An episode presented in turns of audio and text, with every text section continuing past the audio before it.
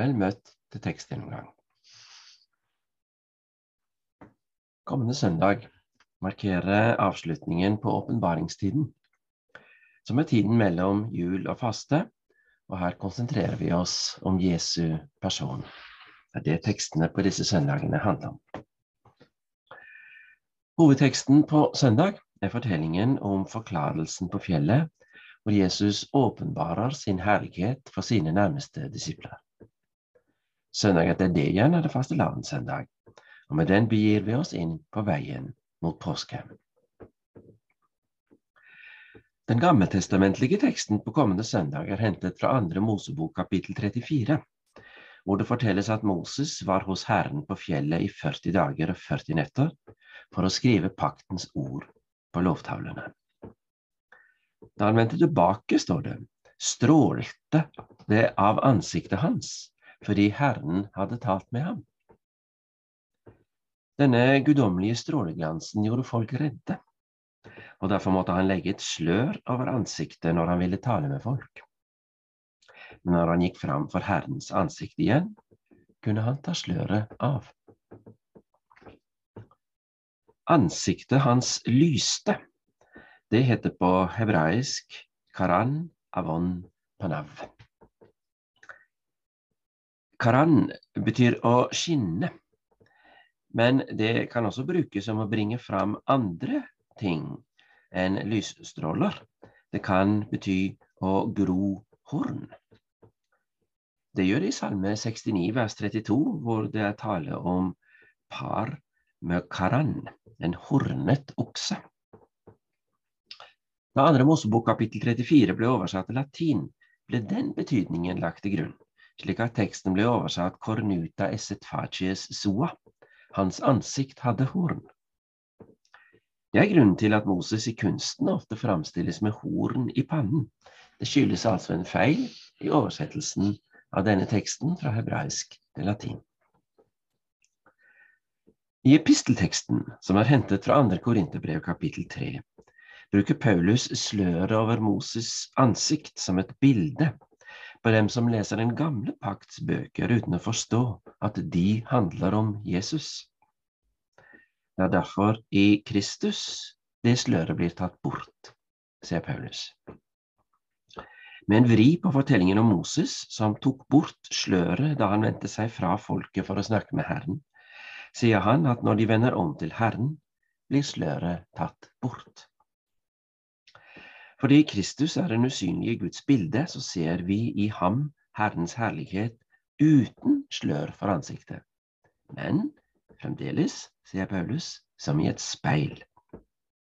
Å se Gud direkte, åsyn til åsyn, kan ingen. Men i Kristus kommer vi ham så nær som det er mulig å komme. Og det forvandler oss, sier han. Vi blir alle forvandlet til dette bildet, fra herlighet til herlighet. Å lese Det gamle testamentet samtidig som vi ser at det handler om Jesus Kristus, det er sterke saker. Det forvandler oss til en refleks av det guddommelige. Evangeliet for kommende søndag er fortellingen om forklarelsen på fjellet, hentet fra Lukas evangeliet. Jeg leser fra Lukas kapittel 9. Omkring åtte dager etter at han hadde sagt dette, tok han med seg Peter, Johannes og Jakob og gikk opp i fjellet for å be. Og mens han ba, fikk ansiktet hans et annet utseende, og klærne ble blendende hvite. Med ett sto det to menn og snakket med ham, det var Moses og Elia. De viste seg herlighet og talte om den utgangen livet hans skulle få, om det han skulle fullføre i Jerusalem. Peter og de andre hadde falt i dyp søvn. Nå våknet de og fikk se hans herlighet og de to mennene som sto sammen med ham. Da mennene skulle til å forlate ham, sa Peter til Jesus, Mester, det er godt at vi er her. La oss bygge tre hytter, en til deg, en til Moses og en til Elia. Han visste ikke selv hva han sa. Mens han talte, kom det en sky og skygget over dem, og da de kom inn i skyen, ble de grepet av frykt. Det lød en røst fra skyen. Dette er min sønn, den utvalgte, hør ham. Og da røsten lød, var det ingen annen å se, bare Jesus. Disiplene tidde med dette.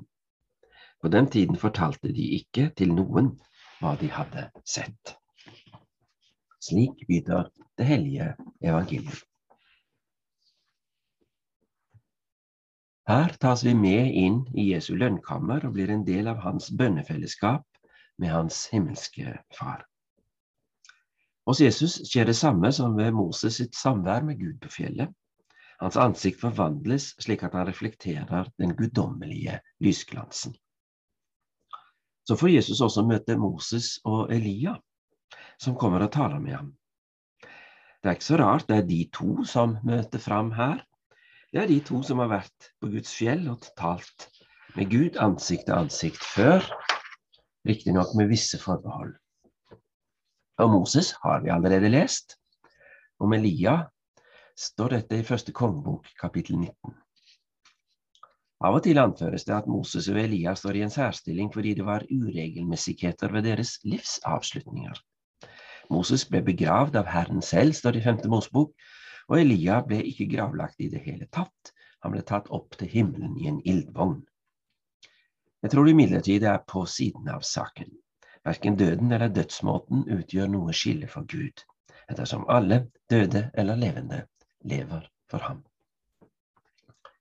De møter fram her som en påminnelse om at alle, om de fra vårt perspektiv er døde eller levende, kan kalles fram til tjenesten, og at bønnens gudsfellesskap gir en mulighet for å omgås dem. Moses og Elia er her altså av en grunn.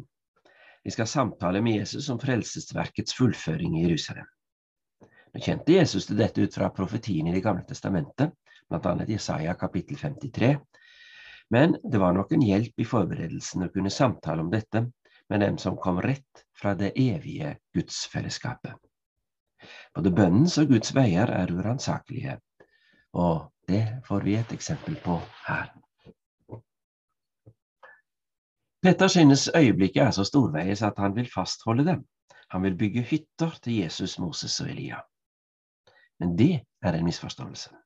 Jesus har ikke tatt sine med seg opp på gudsfellesskapets høyeste tinde for å forbli der. De må, som Moses og Elia før dem, ned i dalen og ut i tjeneste. Men de får en sterk opplevelse og et sterkt Guds ord med seg på veien. De får se inn i treenighetens innerste relasjoner ved at de får oppleve Åndens nærvær i form av en sky, den samme skyen som tok Jesus til seg etter oppstandelsen og når de er i skyen, hører de Faderens vitnesbyrd om Sønnen. Dette er min sønn, den utvalgte. Hør ham.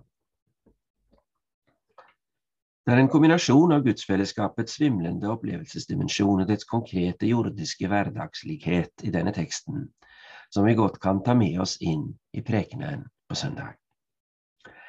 Gudsforholdet gir store og dype åndelige opplevelser, ikke minst for dem som er fortrolige med bønnens fellesskap og lever i det.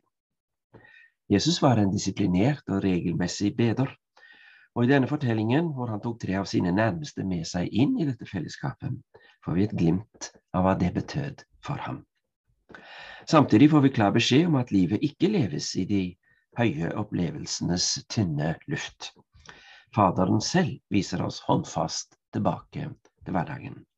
Dette er min sønn, hør ham.